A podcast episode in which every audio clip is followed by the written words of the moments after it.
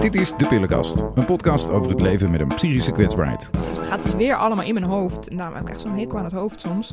Is dat ik dan nu bang ben van, oh, heb ik nu dingen gezegd waarvan ik later dan misschien denk, oh, maar als andere mensen hiernaar gaan luisteren. Maar tegelijkertijd wil ik dat mensen het juist horen, omdat ik wil dat het gewoon normaal is, weet je. Dus het is- En dan kan ik het ook weer een beetje, een beetje aanwakkeren en aanboren als het ware. Maar eh, wat was je vraag ook alweer? Eh, ja, goede vraag. Eh, ja, ik ben eigenlijk altijd wel heel open geweest over ehm, mijn psychische kwetsbaarheid. Ik noem het kwetsbaarheid. Hoi, ja, dankjewel dat ik hier mag zijn. En eh, ja, vandaag gaat het goed. Ja, toen kwam er al sociaal werker over de vloer. Ik ben heel erg bezig om eh, met openheid over eh, allerlei kwetsbaarheden van mensen die, waar ik er ook een aantal van heb. Even kijken of ik mezelf kan horen als ik die loopt. Ja, kan ik jou horen? Ja? Ja, oké, fijn. Oké, dan dat is zijn we altijd er. fijn. dat ik me echt wel eenzaam voelde dat, eh, d- dat er één keer aandacht aan besteed was, maar niemand echt aan me vroeg van hoe gaat het met je. Dat- zeg maar wel steeds momenten aanwijzen van. En toen ben ik echt iets radicaal anders gaan doen in mijn leven.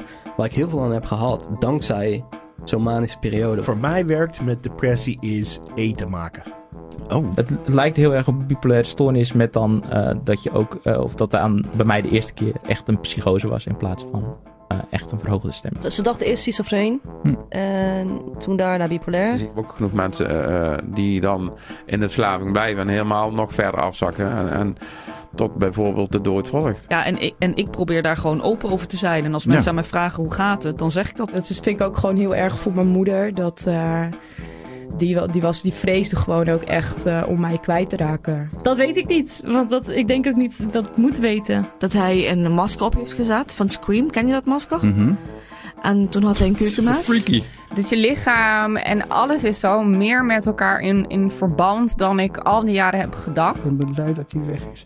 Die vraagt zoveel tijd. Ja, ik, ik raakte echt levensmoe al op die leeftijd. Ik weet nog dat de eerste keer dat ik me gesneden had, dat ik naar beneden liep.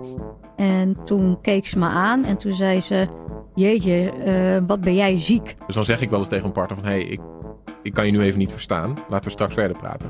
Dat is eigenlijk oké. Ehm, dat is, dat is heel fijn. Even Kijk, eh, vaak is een, eh, iemand met psychische klachten, door, die, die hoort bij, eh, meestal op een school net, net niet bij. Dat je meerdere persoonsdelen hebt die afwisselend eh, denken en doen eh, bepalen. tijdens die hele dag op de bank zitten, dat ik dan op de bank zit. En tijdens dat op de bank zitten voor mezelf alleen maar in mijn brein heb bedacht dat het Dat het niet toch erg- niet zo Oké. erg was als dat ik dacht. Ik was acht eh, toen ik ehm, eh, seksueel misbruikt ben. En als die spanning eruit is, dan gaat het eigenlijk ook wel weer prima.